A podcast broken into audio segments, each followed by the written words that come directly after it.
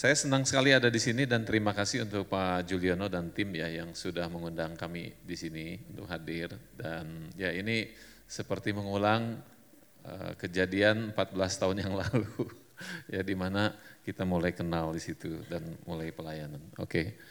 uh, eh, hari ini saya akan men-sharingkan men, uh, satu topik yang saya rasa sih semua orang juga uh, udah banyak topik ini dibahas tapi mungkin cara cara membahasnya mungkin agak beda ya. Kalau nasi goreng e, semua juga tahu gitu. Cuma resepnya mungkin beda-beda, cara mengolahnya beda. Nah ini mungkin agak sedikit beda. Anda silahkan siapkan handphone ya. Jadi apa yang saya sampaikan hari ini nggak bisa semua saya jelaskan.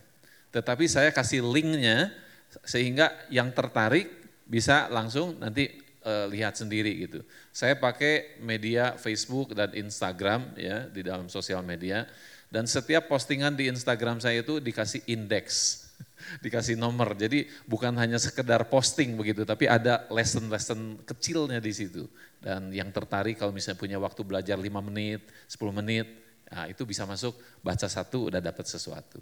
Zaman sekarang nggak bisa belajar dua jam, tiga jam gitu ya, udah nggak Enggak semua orang bisa seperti itu, enggak punya apalagi kesibukan uh, bisnismen atau pekerja, enggak punya waktu untuk training, seminar dua jam, tiga jam, wah itu pengorbanannya cukup besar. Ya, tetapi saya membuat kayak pelajaran-pelajaran kecil di dalam uh, media itu.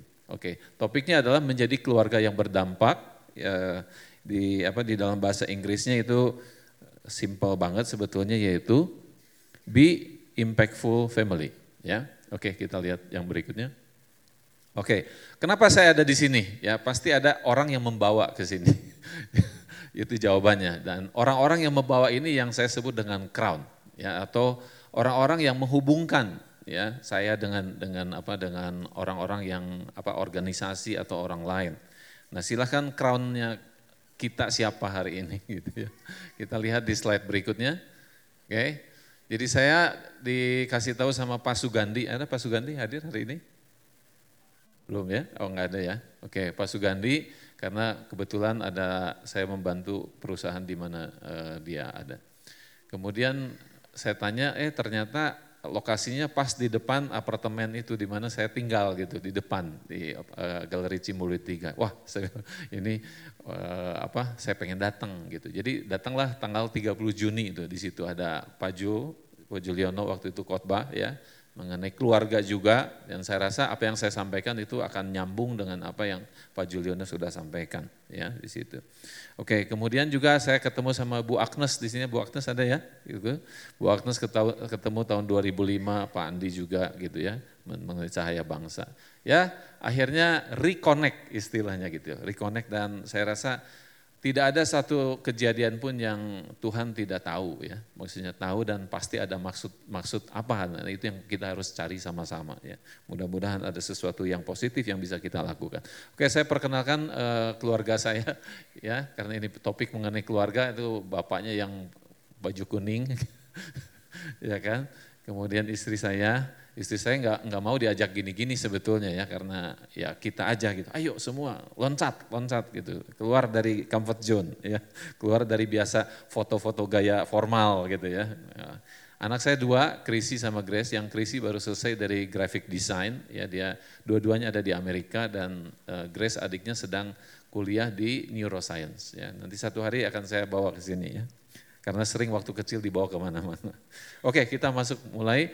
Apa sebetulnya rancangan Allah bagi manusia khususnya keluarga? Ya, kita coba baca di Kejadian 1 ayat 26 sampai 28. Ini saya cepat aja ya karena saya pengen lebih banyak ke ke apa ke contoh-contohnya nanti. Di situ dikatakan berfirmanlah Allah, baiklah kita ya. Saya bantu di situ dengan ada warna-warna di situ untuk membantu itu yang akan kita bahas sebetulnya ya. Jadi kita itu siapa di situ? Ada yang tahu? Kita itu siapa? Ya Allah Tritunggal ya. Jadi kita bukan sah, bukan saya. Di dalam keluarga biasanya eh, bagaimana? Papa nggak mau kamu begitu ya? Ah, papa itu kalau mama boleh. nah, ini sering jadi masalah ya. Karena bukan kita lagi, tetapi sa, saya. Mama nggak suka kamu begitu, tapi papa boleh. Oke, kita dari dari hal sesimpel ini aja kita bisa banyak belajar ya di situ. Berfirman Allah, baiklah kita menjadikan manusia menurut gambar dan rupa kita supaya apa? Mereka ber, berkuasa. Berkuasa atas apa? Ikan di laut, burung di udara, ternak dan seluruh bumi dan atas segala binatang melata yang merayap. Saya waktu baca ini bingung ya. Kenapa kita uh, suruh menguasai gitu, menguasai binatang gitu ya, menguasai binatang. Uh, tapi kalau lihat zaman sekarang, sebetulnya kita nggak terlalu sulit mengerti firman ini. Karena sekarang bukan menguasai binatang atau menguasai siapa sekarang? Menguasai manusia yang lain. ya kan? Jadi manusia zaman sekarang berusaha menguasai, mengontrol ya media massa, ya, kemudian di dalam perusahaan, di dalam keluarga, siapa yang lebih powerful, nah itu yang menguasai. Sedangkan firman Tuhan udah jelas, buka, manusia tidak ada di sini. ya Bukan manusia menguasai manusia, tetapi manusia menguasai non-manusia. Nah, coba sebutin tuh ke sebelahnya, menguasai non-manusia. Nah binatang juga adalah salah satu simbol atau salah satu ciptaan Tuhan yang sangat konsisten. Ya. Kenapa? Ular hari dari dari apa dari yang kita lihat sekarang buas, mungkin 10 tahun atau 50 tahun yang lalu sama buasnya. Tapi manusia yang hari ini kelihatan baik, besok bisa pura-pura jadi tidak baik atau sebaliknya. Ya, yang tidak baik bisa pura-pura baik. Jadi kenapa pelajaran karakter biasa disimbolkan oleh binatang? Karena binatang itu mewarisi sifat yang konsisten. Jadi kita bisa belajar di sini, kita menguasai binatang itu sama dengan menguasai karakter kita. Ya, di dalam rumah tangga ada karakter bapak, karakter ibu, karakter anak gitu. Nah, karakter itu yang kita harus kuasai. Bagaimana caranya, bagaimana menumbuhkannya dan sebagainya. Oke, itu di ayat yang kejadian. Kita lihat di ayat 27 yang cukup menarik. Maka Allah menciptakan manusia itu menurut gambarnya, menurut gambar Allah diciptakannya dia, laki-laki dan perempuan diciptakannya mereka. Saya waktu baca ayat ini udah lama ya, kenapa ya kitab suci begitu mulia, tetapi yang gini simpel aja kenapa mesti ada di Alkitab gitu. Laki-laki dan perempuan aja kenapa mesti disebutkan di situ. Ya, mestinya kan yang strategis, yang besar, yang apa. Tapi kalau kita lihat hari ini, kita tidak sulit untuk mengerti Manusia sekarang mencoba memutarbalikan ada gender yang ketiga. Ya, sekarang di Amerika ada kolom kalau ada apa ada ID ada apa kolom gender itu boleh dikosongin atau boleh di cross. Artinya saya tidak mau diketahui gendernya apa. Itu saya baru ketahui dua tiga minggu yang lalu.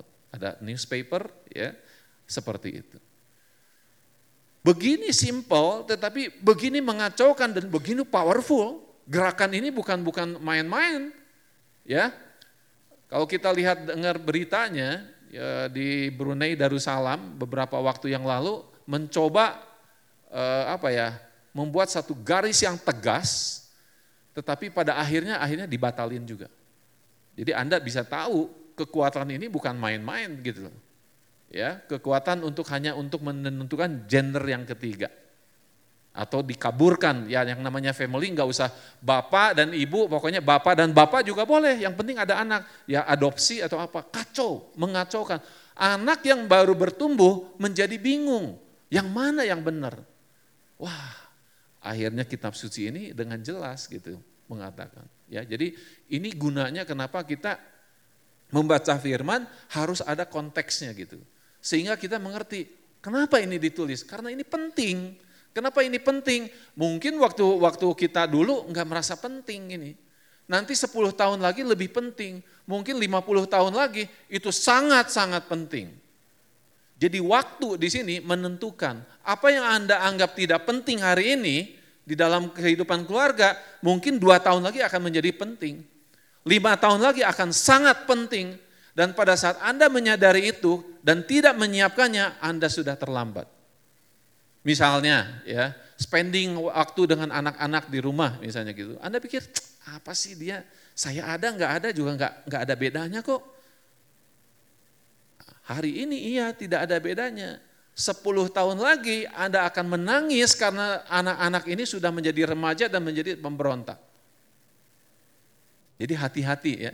Apa yang Anda Anda anggap tidak penting hari ini itu akan menjadi sangat penting dan it's too late Walaupun selalu ada kasih karunia Tuhan untuk memulihkannya. Ya, Oke, dari dari kejadian. Mari kita lihat di ayat 28. Berkuasalah, tetapi yang di sini yang saya mau tekankan beranak cuculah. Jadi Tuhan punya rencana untuk menguasai dunia ini. Bagaimana? Bukan lewat pasukan tentara, bukan. Ya, menguasai dunia ini lewat keluarga. Kok aneh ya?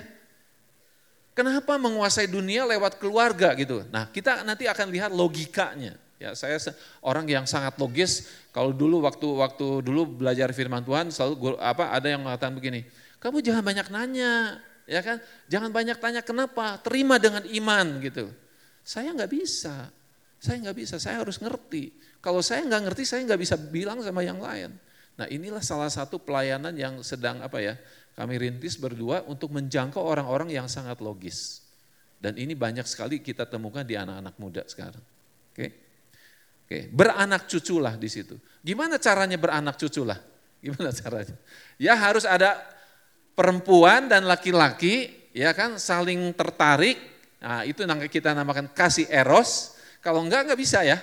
Enggak bisa. Oh, ada juga, Pak. Orang tua saya dulu dia enggak pernah tahu tuh. Ya, intinya beranak cucu itu harus ada laki-laki dan perempuan. Ya, oke. Okay. Berikutnya kita lihat, ini agak loncat-loncat tapi nanti akan kelihatan logikanya. ya. Oke, Matius 19 ayat 5 dan firman sebab itu laki-laki dan meninggalkan ayah dan ibunya dan bersatu dengan istrinya sehingga keduanya menjadi sa satu. Menjadi satu. Nah, itu proses menjadi satu itu bukan hanya kasih eros ya. Menjadi satu itu artinya apa? Ya badannya bisa jadi satu dengan kasih eros, tetapi pikirannya perasaannya, cara berpikirnya, nah itu membutuhkan waktu sepanjang seumur hidup kita. Nah ini proses dua menjadi satu, ini yang penting. Di dalam keluarga juga sama, ada bapak, ada anak, ada ibu. Nah semuanya akan apa? Akan berinteraksi. Cara berpikirnya, cara mengelola perasaannya, kehendaknya dan sebagainya, itu akan diproses di situ. Ya, oke. Berikutnya, oke. Ada tiga level pengetahuan ya yang akan membuat kita bisa berdampak. Dan dengan diagram sesederhana ini kita bisa melihat kenapa gereja tidak banyak berdampak di dalam dunia kerja. Karena yang dibagikan selalu adalah seed of words. Seed of words itu adalah firman Tuhan. Firman Tuhan itu sangat sehat, sangat powerful, tetapi ada syaratnya, harus diproses. Diproses apa? Menjadi bahasa yang kita bisa mengerti dan kita lakukan. Kalau firman Tuhan dibagikan tetapi tidak diterjemahkan menjadi tindakan-tindakan yang bisa kita lakukan secara spesifik, is not powerful. Hanya stay di dalam pemikiran kita, ya, oh, misalnya menjadi keluarga yang berdampak, itu juga sesuatu kata yang sering kita ucapkan. Tetapi bagaimana caranya? Nah itu jarang dibahas. Karena yang dibahas hanya kebenaran, kebenaran, kebenaran firman Tuhan. Yang kita namakan dengan soul atau seed of of words. Nah, bagaimana caranya? Dunia adanya di bawah tuh di situ, ya di bawah itu ada huruf R sebetulnya di situ. Di ujung dari garis itu ada huruf R, itu realita. Kalau di atas itu ada huruf T kecil, namanya apa? The truth, kebenaran. Jadi kebenaran ini harus diterjemahkan. Kalau benar-benar tidak diterjemahkan, gantung. Jadi bahasanya bahasa ngambang. Saya sering lukiskan ini menjadi apa? Seperti awan. Kita lihat awan terus, tapi yang kita butuhkan bukan awan, tapi hu, hujan. Harus bisa dirasakan. Tuhan baik, ya itu udah firmannya. Siapa yang percaya Tuhan baik, itu nggak usah ditanyain. Itu udah udah memang pakemnya Alkitab, itu udah kita. Tetapi yang kita bisa tanya, siapa yang mengalami kebaikan Tuhan? Ngerti ya maksudnya gitu. Nah kita sering kali dengar siapa yang tahu eh, siapa yang eh, eh, merasakan Tuhan itu baik. Oh semua angkat tangan. Yang perlu ditanyakan siapa yang mengalami kebaikan Tuhan. Nah itu adanya di realita. Kalau kita siapa yang tahu Tuhan itu baik, itu adanya the truth, knowledge di situ. Dan itu tidak powerful. Karena orang tahu tapi tidak mengalami, tidak tidak bisa ada sesuatu yang dibagikan begitu. Ya, Oke. Nah, jadi yang kita mau bahas adalah selalu ini. Ya, nah ini saya juga bantu satu, satu gereja udah hampir dua tahun menerjemahkan ini. Jadi bahasa-bahasa di mimbar sekarang harus bahasa juga yang sedikit banyak ada esensi elemen itunya. Kalau enggak, ya misalnya uh, gini, orang yang terjebak dalam keuangan, kartu kredit misalnya begitu. Terus kita doakan, kita puasakan, sembuh enggak? Enggak, enggak sembuh. Knowledge-nya harus ada, how-nya harus ada. Bagaimana cara mengelola keuangan itu? Prinsip-prinsipnya seperti apa? Wisdom-nya seperti apa? Kartu kredit itu bukan uang. Kartu kredit itu pengganti uang. Ya, nah itu misalnya seperti itu. Jadi apa? Jadi kalau kita hanya membagikan, oke okay, kamu serahkanlah kekhawatiranmu kepada Tuhan, kepada orang yang seperti ini, tidak akan sembuh. Nah, gereja harus hadir di dalam tiga aspek ini. Karena apa yang Tuhan Yesus lakukan juga bukan hanya membagikan kebenaran. Orang yang buta disembuhkan dulu, bukan percayalah atau uh, apa ya, hanya berhenti di, di area knowledge, tetapi langsung ada tindakan. Itu kenapa menjadi powerful sekali. Jadi menjadi keluarga yang berdampak harus menggabungkan antara kebenaran, wisdom di situ, wow itu ya, wow itu wow gitu. Tapi singkatannya adalah words of wisdom, hikmat, insight bahasa bisnisnya ya. Dan how? Bagaimana caranya? Kita akan akan sedikit banyak bahas di situ. Uh, saya kasih contoh satu ya. Oke okay, next. Nah ini summary dari ayat-ayat yang kita baca tadi ya. Ada kata kita supaya mereka berkuasa laki-laki dan perempuan beranak cuculah berkuasalah ya. Dua menjadi satu di situ. Nah kalau kita gabungkan ketiga aspek ini itu yang menjadi impactful menjadi powerful Ya, kenapa orang-orang di dunia marketplace itu tidak gampang menerima orang-orang yang uh, latar belakangnya uh, gereja ya atau uh, apa orang-orang yang sungguh-sungguh dalam Tuhan katanya gitu. Karena dia missing di dalam banyak pengetahuan how-nya. Menjadi salesman enggak cukup hanya doa gitu loh, tapi harus ada teknik, product knowledge harus dikuasai, ya kan? Bagaimana cara prospecting dan sebagainya itu harus diajarin. Dan itu bukan duniawi gitu, bukan. Itu memang apa yang dilakukan di firman Tuhan dibilang apa? Jadilah pelaku fir, firman. Kalau kita hanya mendengar, hanya stay di dalam kepala kita, tidak powerful. Tetapi pada waktu kata-kata yang di dalam Alkitab itu kita lakukan dan kita lihat hasilnya, nah baru itu menjadi sesuatu yang tidak tergoyahkan. Itu yang kita sebut dengan bertumbuh di dalam iman. Ya, oke. Kita udah tahu ya eh, prosesnya di sini. Jadi kita harus powerful gitu. Karena itu janjinya Tuhan, bukan janjinya kita. Nah kita bayangkan sekarang menguasai dunia. Kira-kira dengan apa? Apakah dengan nuklir gitu ya kan? Dengan siapa yang punya budget persenjataan yang paling besar, yaitu yang menguasai dunia dan sebagainya. Ternyata apa yang Tuhan rencanakan tidak seperti apa yang kita pikirkan. Yang Tuhan rencanakan bahkan menguasai dunia lewat keluarga. Nah, kita lihat nanti di, di apa di bagian berikutnya. Next. Oke, okay, ya. Berikutnya. Oke, okay, bentar. Ya udah itu. Nah, jadi yang disebut kita itu siapa? Kita itu Allah Tritunggal. Eh, Allah Bapa, ya, Allah Bapa, eh, Allah Anak dan Allah Roh Kudus di situ, ya. Jadi setiap kali nanti lihat di bawah tuh ada HSCF1, ingat ya itu ya. Allah Tritunggal kita dan kita bisa menjadi powerful dengan kita cara mengcopy ya, mengcopy apa yang Tuhan lakukan. Gitu, ya. Nah, yang saya mau jelaskan di sini, kasih yang kita maksud itu bukan kasih hanya antara suami dan istri. Kasih yang dimaksud di sini adalah kasih apa? Agape. Ya. Di dalam kasih agape bukan antara kawin dan mengawinkan, ya. Karena pada waktu kebangkitan orang tidak kawin dan tidak dikawinkan melainkan hidup seperti malaikat di surga. Jadi bukan Allah Bapa kawin dengan Allah Allah Roh Kudus menjadi punya anak gitu. Bukan itu. Tetapi yang kita bicara mengenai unity, bicara kesatuan di situ. Ya, dan tidak ada setelah kita meninggal, nggak ada antara suami istri itu udah nggak ada. Itu firman Tuhan yang katakan seperti itu. Jadi kalau gitu apa sih maksudnya gitu? Tuhan membentuk keluarga. Tuhan membentuk, nah ini boleh catat ya. Tuhan membentuk keluarga supaya kita bisa latihan. Latihan supaya kita bisa mengerti apa yang namanya kasih itu. Ada tiga kasih, ada tiga macam kasih. ya. Kasih yang pertama apa? Kasih eros antara suami dan istri. Ya, oke. Itu bicara mengenai kedekatan keintiman sebetulnya. Yang kedua adalah kasih filia. Kasih persaudaraan antara anak dengan apa dengan saudara-saudara dan sebagainya di situ. Dan kasih yang ketiga adalah kasih agape di situ, ya. Nah, di dalam kasih Tuhan itu ingin memperkenalkan kasih kepada manusia, tapi gimana caranya? Nah, lewat keluar, lewat keluarga. Di dalam keluarga, ketiga macam kasih ini di, di apa dipraktekkan. Dan anda boleh catat, yang paling besar di dalam di dalam uh, yang paling menonjol di dalam kasih agape adalah yang namanya sacrifice atau pengorbanan. Anda pernah berkorban buat anak-anak atau anak-anak merasa banyak berkorban buat orang tuanya? Ya itu latihan. Kasih Allah seperti itu. Ya, jadi kita sudah mengerti nih ya. Kenapa sekarang pertanyaan berikutnya, kenapa Eh, Tuhan membentuk keluarga untuk mengalahkan dunia, untuk untuk menguasai dunia. Karena firmannya mengatakan apa? Kasih itu tidak pernah apa? Love never fails. Tidak pernah gagal.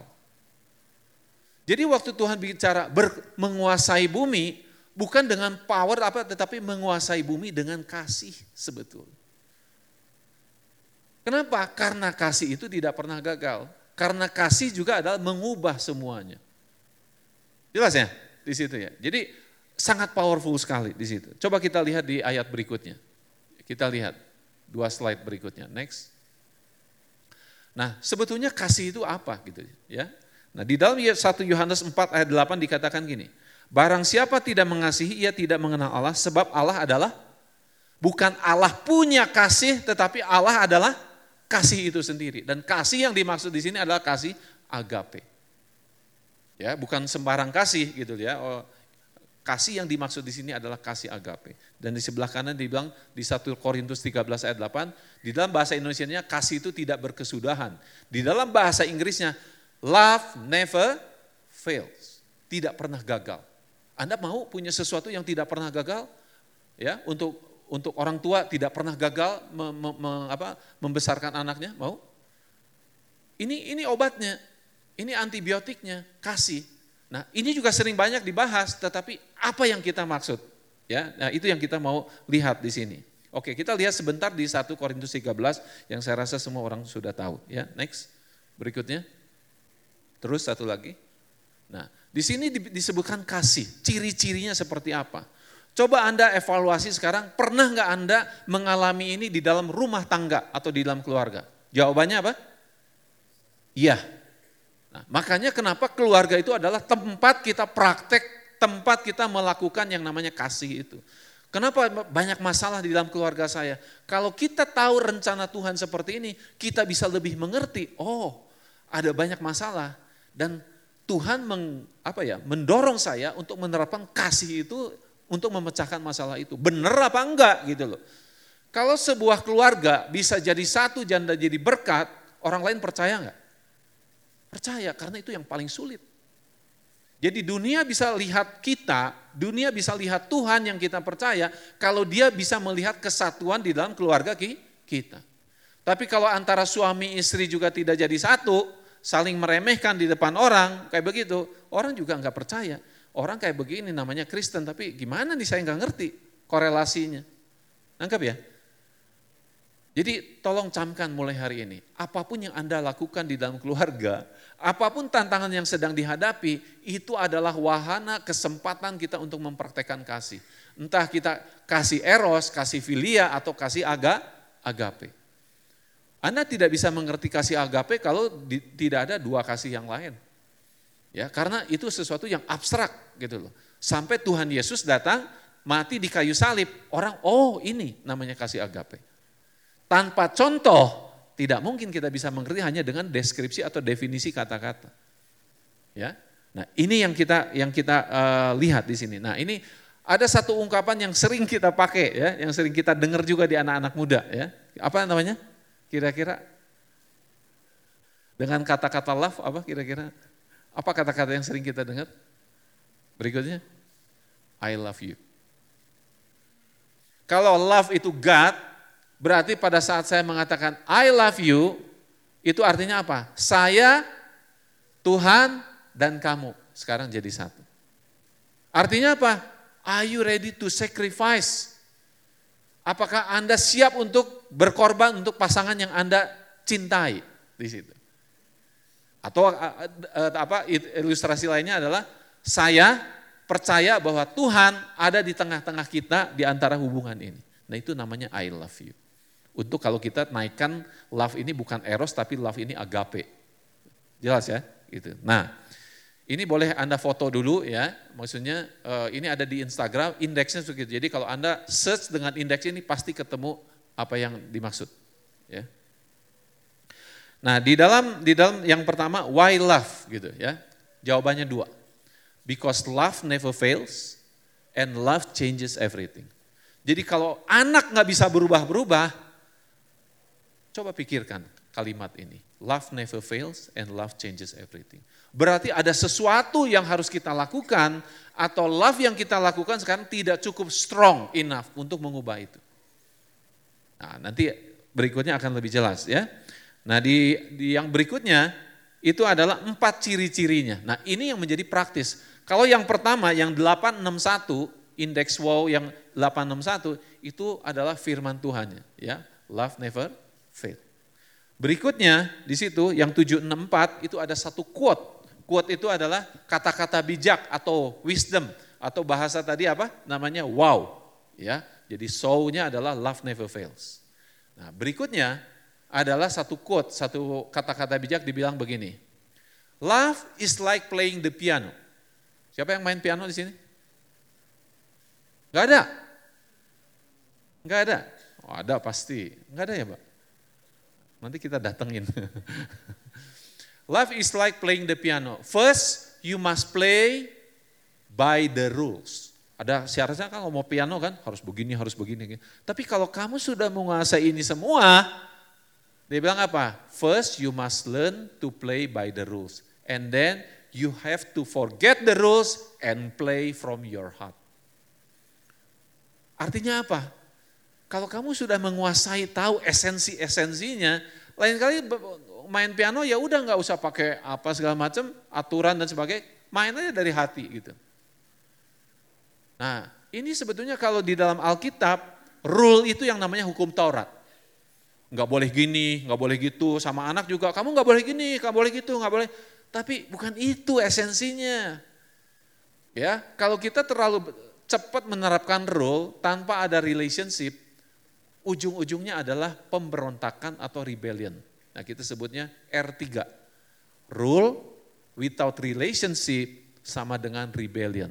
Aturan tanpa ada hubungan dibangun terlebih dahulu akan menimbulkan pemberontakan. Ya. Nah, jadi itu yang kita perlu perlu apa perlu belajar di sini, ya kan? Bagaimana kita menerapkan kasih itu? Nah, itu ada di di indeks yang 533 ya. Coba lihat sebentar saya kasih waktu satu menit ya untuk masuk itu bagus. Empat ciri-ciri orang yang menerapkan kasih menurut versi praktis yang bisa kita lakukan. Itu bukan bukan bukan dogma atau yang paling benar ya, bukan ya. Tapi empat hal ini Anda bisa lakukan untuk menerapkan kasih di dalam keluarga. Instagram, ya Instagram, Instagramnya F1 Reviver ya. F O N E Reviver. Ini gereja pertama yang kita pakai Instagram during khotbah gitu ya. Siapa yang sudah menemukan? Boleh sharing? Ya, boleh berdiri terus di apa disebutkan. Empat ciri, ada L, ada O, ada V, ada E di situ. Oke, ya. Jadi ciri-ciri orang yang ingin menerapkan kasih sekarang ini boleh pulang boleh dipraktekkan nih.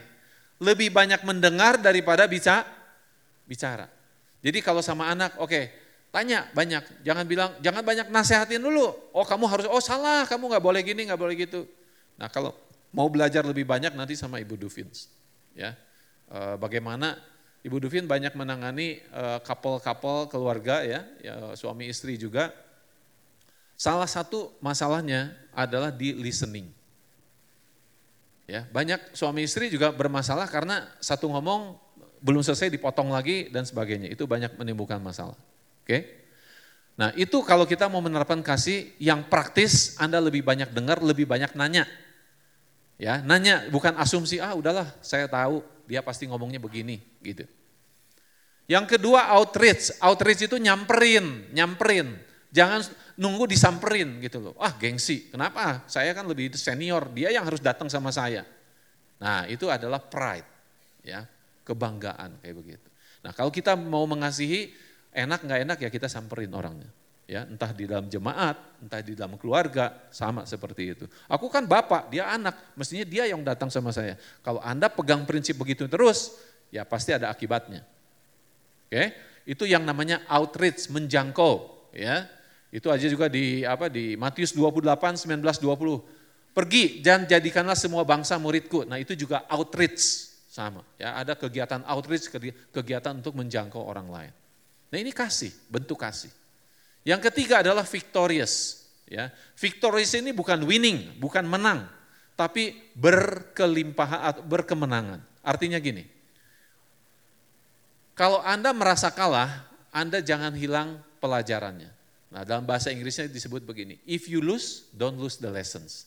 Anda sering kecewa, Anda sering kecewa sama anak, sama pasangan, sering kecewa. Nah kalau Anda kecewa jangan fokus di kecewanya, tapi Anda cari lesson apa yang Anda belajar dari dari kekecewaan itu dan Anda robah proses berikutnya. Misalnya waktu ngomong gitu, Langsung belum selesai dipotong, belum selesai dipotong. Oke, eh, saya merasa tidak dihargai misalnya gitu kan. Nah itu lose, saya merasa hilang nih, saya merasa nggak berharga dan sebagainya. Oke, tapi kamu belajar apa dong di situ? Nah kalau kita nggak pernah belajar, kita akan kejadian hal yang sama terus. Jadi lessonnya apa? Oke, saya pikir dia terus motong saya. Yaudah, saya kasih aja sampai dia capek ngomong, misalnya gitu. Ya, misalnya contohnya gitu. Jadi pendekatan berikutnya udah beda. Nah, Anda seolah-olah kalah gitu ya. Enggak, mengalah tidak berarti kah? kalah. Mengalah berarti Anda sedang eksperimen sesuatu untuk mencari cara yang lebih baik. Lebih baik. Nah ini namanya victorious. Kalau Anda melakukan seperti itu, Anda selalu tidak pernah akan mungkin kecewa. Kenapa? Karena if you lose, don't lose the lesson. Apakah ini firman Tuhan? Bukan. Ini adalah satu quote yang dibuat orang. Tetapi banyak hal yang Tuhan bekerja lewat apa pun, ya bahkan batu pun bisa sebetulnya kalau mau bisa dibikin jadi roh, roti. Anda jangan terlalu terlalu apa alergi untuk mendengar ilmu-ilmu yang dari lain dari dari tempat lain. Karena Tuhan bekerja itu bukan hanya di orang Kristen. Tuhan juga bisa bekerja di orang yang agamanya berbeda dengan kita. Bisa nggak? Bisa. Contoh-contoh Alkitab banyak di situ. Ya, jadi Anda harus terbuka. Tetapi satu yang saya titip, apa pun yang Anda dapatkan jangan mentah-mentah Anda terima. Apa yang Anda dapatkan Anda harus saring dengan firman Tuhan. Itu aja. Ya, jadi Anda nggak usah takut, belajar apa pun nggak usah takut. Oh ini ini alkitabiah, ini nggak alkitabiah. Alkitabiah nggak alkitabiah ya kita lihat dulu, renungkan dulu. Nah ada komsel, ada apa, coba diskusi. Nggak nggak settle, nggak ada keputusan. Nah ada gembala di sini, Pak Juliono dan istri, Bu Sinta. Ya itu prosesnya gitu loh, proses belajarnya. Jadi kalau orang yang mengasihi sesuatu dia tidak merasa kalah. Kalau dia mengalah ya udah berarti dia sedang belajar sesuatu mempraktekkan cara-cara baru di situ. Nah ini yang namanya victorious. Saya mendapatkan ini di tahun 99, berarti hampir 20 tahun yang lalu. Dan ini menjadi salah satu kunci kenapa karena saya bisa bangkit lagi kalau gagal, bangkit lagi karena ini. If you lose, don't lose the lesson. Ya, anda nggak usah nunggu 20 tahun, ini udah dua menit udah dibagikan. Tapi 20 tahun kemudian Anda akan save energi save energi. Anda begitu kecewa, ingat pelajaran ini. If you lose, don't lose the lesson, change the process. Ganti caranya, ganti metodenya gitu. Ya, baik dengan anak, baik dengan pasangan, nggak cocok, ya udah, jangan ngotot. Ya kamu kan harus taat, istri kan harus taat sama suami, suami kamu kan harus mengasihi aku. Jadi siapa mau mulai dari mana? Nggak ada ujungnya. Ya, jadi siapa yang harus mulai duluan? Sebagian orang berpendapat suami dong, karena suami itu kepala keluarga, ya kan? Yang satu lagi istri dong, karena istri kan harus yang pertama dulu gitu. Menurut saya, siapa aja yang punya kesadaran lebih awal mengenai kata kasih ini. Gak usah di, di, di ekonomi, oh, harus ini dulu, harus ini dulu. Bukan rule lagi yang penting, tetapi apa? Kasih. Hukum Taurat ini semua kalau di summarize, intinya cuma satu, dia bilang Kasihlah Tuhan, kasihlah sesama. Finish gitu loh. Jadi begitu yang complicated, aturan-aturan yang complicated yang kita buat sendiri di dalam rumah tangga, akhirnya itu tidak ada gunanya. Akhirnya balik lagi, saya punya hati nggak untuk mengasihi dia? Berkorban nggak untuk dia? Nah ini yang menjadi dampaknya powerful. Bukan senjata, bukan pasukan, bukan apa, tetapi yang namanya kak, kasih. Karena kasih selalu apa?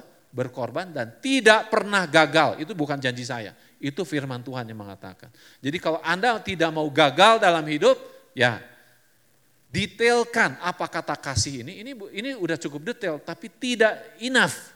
Karena ini harus dipraktikkan di dalam masing-masing pekerjaan Anda sebagai banker, pekerjaan Anda sebagai guru. Ini apa prakteknya kasih ini? Nah ini harus didetailkan terus. Sampai apa? Sampai kita bisa melihat hasilnya. Karena janji Tuhan. Ngerti ya maksudnya?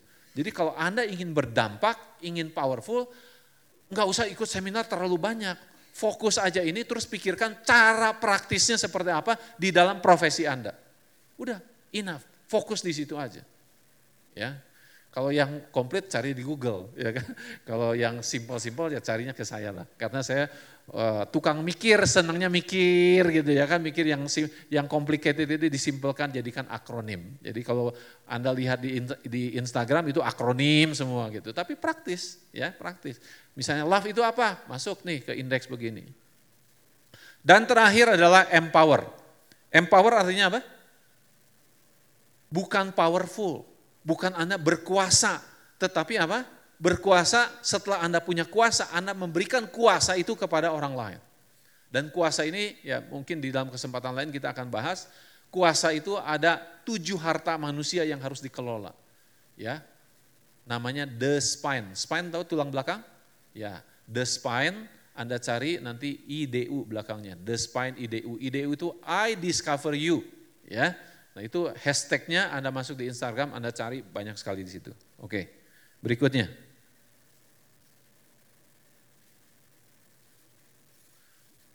Ayo, apa berikutnya? Apa hubungan kasih dan dalam keluar keluarga? Ini udah dibahas tadi ya, jadi kita cepat aja. Next. Nah ini yang tadi ya, ada tiga kasih yang Pak Juliono uh, sharing waktu itu adalah kasih dalam persaudaraan ya di situ. Kita udah tahu Nah, tiga kasih ini yang kita praktekkan dalam keluarga. Oke? Okay? Ya. Next. Nah, ini contohnya bagaimana Anda mengekspresikan ya. Mungkin slide berikutnya dulu baru balik ke sini, ya. There is no shadow in your presence. Jadi tidak ada yang tidak jelas di dalam Tuhan itu. Nah, kalau kita praktekkan ayat ini di dalam keluarga, anak itu juga harus jelas. Bapak saya ini mengasihi saya atau enggak nih? Mama saya itu mengasihi saya atau enggak? Ya aku mengasihi. Kalau enggak, buat apa papa kerja capek apa segala macam. Tapi yang maksudnya adalah bukan itu. Tapi yang dia mau adalah there is no shadow. Ekspresikan kasih Anda. Nah salah satunya lewat su, surat. Saya enggak pintar panggil su, uh, apa enggak pintar bikin surat pak. Anda pilih aja. Anda mau menghadapi anak Anda satu hari dengan berat, dengan air mata, atau Anda belajar ekspresikan sesuatu. Ya, nggak usah panjang, nggak usah panjang gitu loh. Misalnya kalau anak nggak bisa ngomong ya, bisa saya kasih tahu ya, mau, mau. Misalnya siapa namanya uh, Hasan misalnya ya, Hasan, papa itu nggak pinter ngomong, tapi papa mau hanya tahu bahwa papa mengasihi kamu. Udah tulis begitu aja, kasih sama dia. Nah itu akan men-trigger pembicaraan, men-trigger banyak hal yang baik. Ya, jadi Anda jangan jangan bilang aku begini orangnya, aku begini. Kalau fokusnya kepada aku, itu kasih bukan? Bukan. Kalau kasih itu fokusnya sama siapa? Sama orang. Ada juga ibu-ibu ya, ibu-ibu waktu pelatihan-pelatihan ini saya bukan cuma khotbah ya, tapi banyak melatih yang praktisnya, yang know-how-nya gitu kan. Itu kan nggak bisa selalu lewat khotbahnya. Ada ibu yang mengatakan, Pak saya itu eh, nggak e, suka nulis, dia bilang gitu, nggak suka nulis. Ya, saya nggak nggak suka nulis. Mau nggak saya sembuhkan dalam waktu lima menit? Kurang dari lima menit. Dia kaget. Apa ini bohong ya mungkinnya. Benar nggak nih gitu. Anda nggak suka nulis karena Anda fokusnya pada diri sendiri. Kalau dengan tulisan Anda, anak Anda tiba-tiba bersemangat untuk belajar dan sebagainya, Anda mau lakukan nggak? Jawabannya apa? Mau. Itu less than 5 minute, itu obatnya. Nah, hal-hal seperti ini yang sesimpel ini, ini perlu kita bagikan banyak itu. Di dalam gereja apalagi maksudnya supaya melengkapi firman Tuhan itu. Gitu. Jadi nggak ada, kalau Anda udah fokus kepada anak, biasanya Anda lakukan everything gitu ya kan, dalam tanda kutip. Nah, jadi kalau Anda sedang bermalas-malasan, karena Anda sedang fokus kepada diri sendi sendiri. Makanya saya bilang, love itu hanya empat huruf, tetapi pembahasannya bisa dari kiri ke kanan, atas ke bawah dan tidak berhenti. Karena interpretasinya macam-macam gitu. Nah saya menemukan hal-hal ini bukan dengan gampang, tetapi dengan perjalanan yang panjang juga gitu. Merenungkan apa sih love itu, apa sih love itu. Nah setelah ketemu menjadi simple. Ya, oke berikutnya. Nah ini contohnya ya. Jadi ternyata surat-surat seperti ini sama anak saya itu disimpan dan di, di, di sana gitu. Waktu mereka ada di Amerika di mana, mereka ingat gitu surat itu. Ya, jadi kalau misalnya ada perdebatan nih di antara kita, mungkin dia baca lagi surat itu.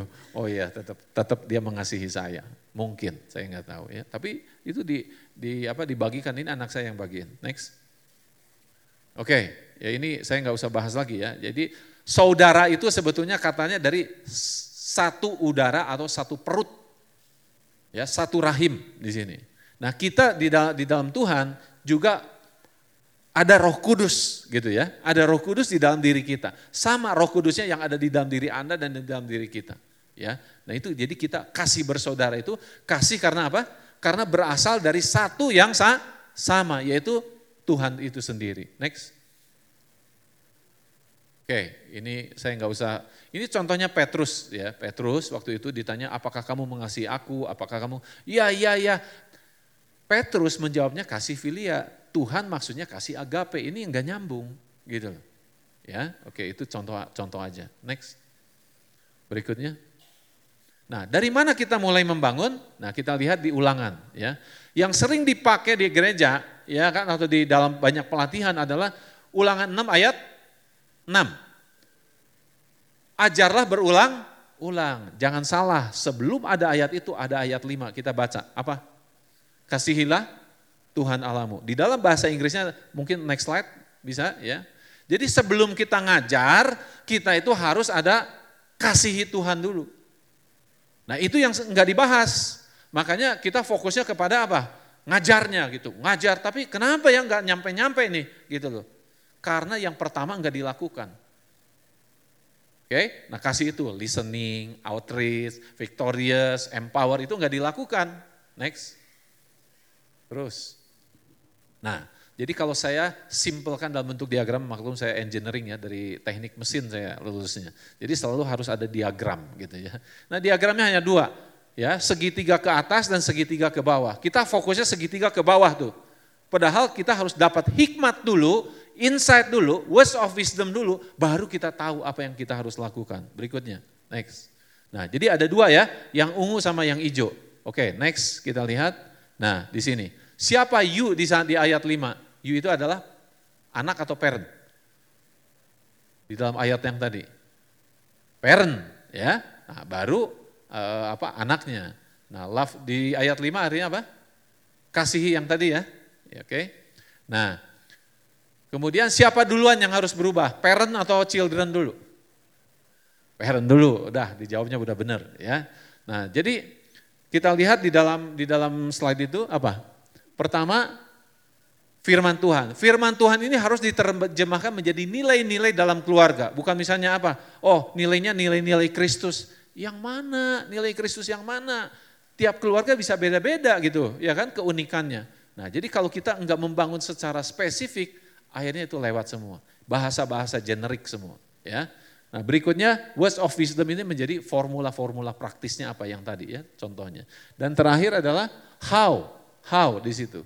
Nah apa yang kita lakukan dengan para parents, kita membuat namanya program namanya wow parents ya. Wow itu uh, wow parents itu adalah untuk kasih tahu nih apa yang harus dirubah cara berpikirnya, way of thinking di sini. Ya, itu yang kita sebut dengan kebangkitan dari pemikiran atau brain revival.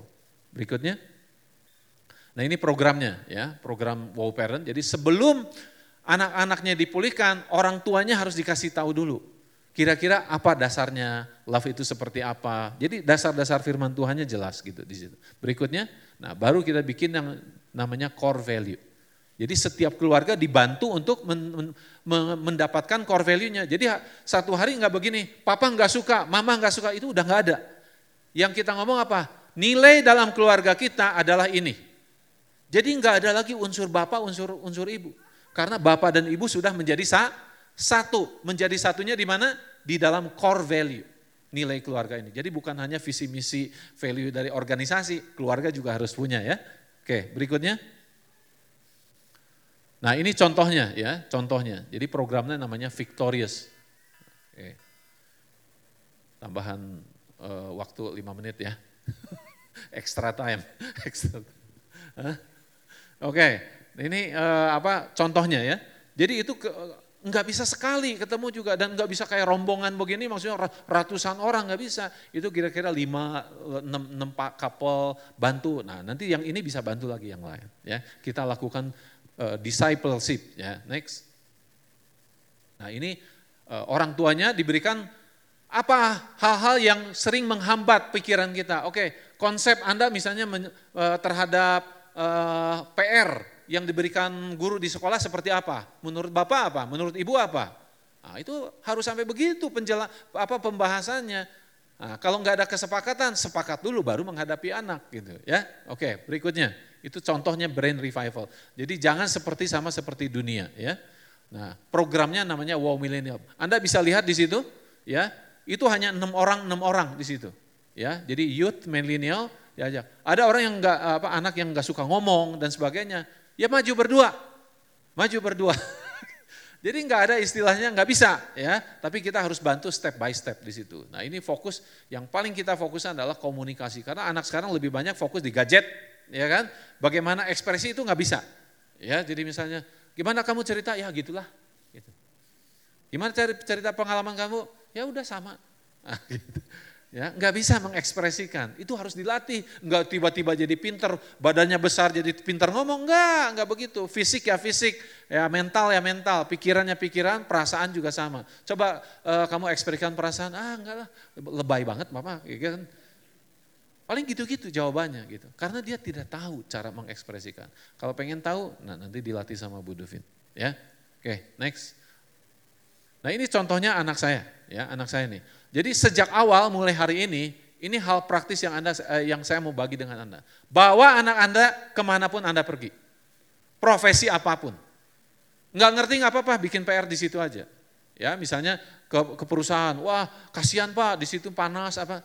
Kasihan, lebih kasihan mana anda anak anda sekarang kepanasan, anda atau anak anda hilang satu hari, mana yang lebih kasihan? Itu loh, ya. Jadi hal-hal praktis ini kita harus bagikan. Next. Nah, dan Anda jangan underestimate namanya waktu lah. Waktu itu benar-benar cepat. Yang gambar atas itu gambar tahun 2013. Ya, persis aneh juga saya 18 sampai 20 Agustus saya bawa ke satu uh, seminar di mana saya jadi pembicara di diaspora ya di mana orang-orang luar negeri datang ke Indonesia ya di situ waktu itu. Nah saya dia sebagai peserta aja. Eh enam tahun kemudian ya baru beberapa hari yang lalu ya kan minggu lalu dia sekarang menjadi diaspora Indonesia di Amerika dan dia melatih anak-anak muda dalam dalam hal lettering, lettering ya. Kalau di sini pasti banyak yang suka tuh lettering, lettering ya. Nah, yang saya mau katakan gini, yang namanya teach, bind, and write, semua itu praktekan seperti yang di ulangan itu. Ajarkan berulang-ulang betul, kemudian mengikat dengan uh, supaya supaya dia enggak enggak maksud di dalam hatinya, ya kan? Dan berikutnya apa? Write, ya, tulis, tulis sesuatu. Tulis apa? Tulis hikmat, apa bagikan dan sebagainya, ya. Dan itu akan terus berkembang. Terus berikutnya. Nah, ini summary saya nggak akan bahas ya. Saya hanya mau kasih tahu bahwa kalau Anda punya kasih, itulah power yang sesungguhnya. Saya mau ngomong itu aja. Mungkin ini khotbah yang berikutnya nanti, ya kan? Jadi apa yang namanya power? Pertama, kalau Anda punya kasih, anda peaceful. Nah, ini untuk anak-anak muda apa? Wah dia pinter itu loh, oh dia beli beli mainan ini loh, oh dia mobilnya ini, gelisah semua, gelisah terus gitu. Karena apa? Karena pengen, pengen, pengen, pengen gitu. Nah orang tua juga sama, Eh anak saya sudah bisa baca loh. Oh, anak kamu gimana? Waduh, gelisah langsung cari kursus ya dan sebagainya. Karena ini karena tidak punya peace. Gimana orang tidak punya punya peace kalau dia juga tidak tahu pengetahuan mengenai firman Tuhan, janji firman Tuhan. Ngerti ya? Oke, itu peace. Yang kedua overcome. Kasih itu selalu mengatasi masalah. Ya, Anda, Pak, saya nggak pinter, nggak apa-apa, nggak pinter. Kelola aja orang pinter gitu. Iya kan? Gitu. Kalau Anda merasa nggak pinter nggak apa-apa, tapi Anda kelola orang pinter. Nah itu hikmat namanya. Ya, jadi Anda jangan bilang, wah Pak saya begini, saya begini. Fokusnya siapa? Saya, berarti bukan kasih. Kalau Anda ngomong gitu, berarti bukan kasih.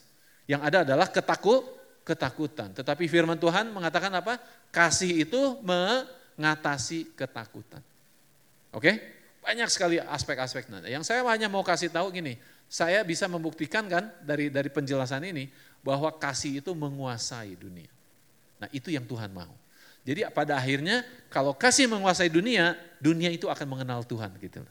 Itu lewat keluarga. Kenapa? Karena keluarga itu yang paling sulit. Perusahaan lebih gampang, lebih gampang. Coba sekarang ya, kalau di perusahaan, Anda instruksikan apa pun, kalau Anda punya power di, di, di level tertentu, nurut nggak? Nurut. Coba istri, coba suami, Ya kan? Nggak bisa Anda perlakukan sebagai karyawan gitu loh. Eh kamu ikut saya ya, pokoknya taat aja deh, taat aja gitu. Nggak bisa. Yang paling sulit itu adalah dalam keluarga. Tetapi kalau Anda sudah sanggup di dalam keluarga itu menjadi satu, berkat, dunia tahu bahwa itu pasti ada sesuatu. Siapa nih atasannya berdua ini gitu. Nah itulah kesempatan kita bisa bersaksi bahwa Tuhanlah yang di, seperti Matius 5 ayat 16. Supaya dunia mengenal Bapa kita yang di surga. Itu tujuannya. Ya, jadi tujuannya adalah bukan berkuasa menjadi powerful, harta banyak, apa banyak, pengaruh pengaruh besar, bukan itu. Kasih itu yang yang Tuhan maksud. Oke, berikutnya adalah apa? Empowering tadi saya sudah sudah bahas ya. Dan berikutnya apa tadi? Reflect, reflect itu Matius 5 Kalau Anda sudah powerful, Anda bilang, oh ya memang saya rajin. Oh memang saya hebat karena saya begini. Enggak, harus balikin kemuliaannya untuk Tuhan. Nah itu juga power sama ya. Jadi reflect, bukan receive tapi reflect. Jadi saya itu hanya oke okay, kalau dipuji terima dulu, jangan bilang oh ini semua gara-gara Tuhan. Enggak, saya juga enggak enggak enggak enggak percaya orang-orang kayak begitu. Ceritakan dulu, Oh iya memang saya begini, tapi kamu tahu nggak kenapa saya begini? Nah itu ceritain, karena Tuhan. Jangan apa-apa, oh puji Tuhan, oh ini karena Tuhan semata-mata kasih karunia Tuhan. Enggak real gitu loh, ya kan kita enggak real ngomong seperti itu. Kita kasih tahu, ya memang saya waktu itu ada hikmat, dan hikmat ini saya dikasih tahu sama teman saya yang itu, saya suruh buka usaha ini. dan Tapi kamu tahu nggak, siapa yang menggerakkan dia? Ya Tuhan itu. Jadi nyambung loh, kalau terlalu cepat kita mengkonekkan dengan Tuhan, dia bilang, ah nggak real nih orang. Gitu. Ya, oke. Terakhir, terus, nah ini ini lain kali ya. Tetapi yang saya mau adalah terus saja ke belakang, slide terakhir ya. Ini nggak usah dibahas, ini penjelasan yang tadi ya, yaitu next. Nah ringkasan, ringkasan dulu deh, ringkasan ya. Nah di dalam ringkasan, start everything with love ya. Nah kalau itu sudah mulai, mungkin kita mulai berkeluarga ya, berkeluarga.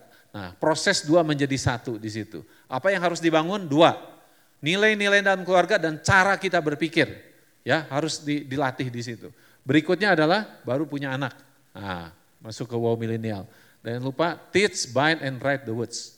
Ya, words itu apa? Firman tuh, firman Tuhan. Firman Tuhan harus diterjemahkan menjadi words of wisdom dan how. Bagaimana caranya? Nah, have love, have power. Nah, itulah menjadi impactful family. So family apa? Father and mother, I love you, I sacrifice for you, I God and you. Gitu. Oke, okay? terima kasih. Yuk kita berdoa. Tuhan terima kasih untuk uh, firman-Mu. Semuanya sudah dibagikan dan kami berdoa Tuhan supaya Roh Kudus yang menolong setiap orang untuk antusias mencari Engkau Tuhan. Dan kami percaya Tuhan, di mana siapa pun yang mencari Engkau, dia akan mendapatkan Engkau Tuhan. Dan mendapatkan Engkau, mendapatkan kasih itu sendiri. Dan kasih itu yang akan memecahkan masalah, menguraikan segala kekusutan, dan diberikan satu keterampilan Tuhan. Satu antusias untuk belajar hal-hal yang baru. Dan kami percaya Tuhan, biarlah kasih itu bertumbuh di dalam hati kami masing-masing Tuhan.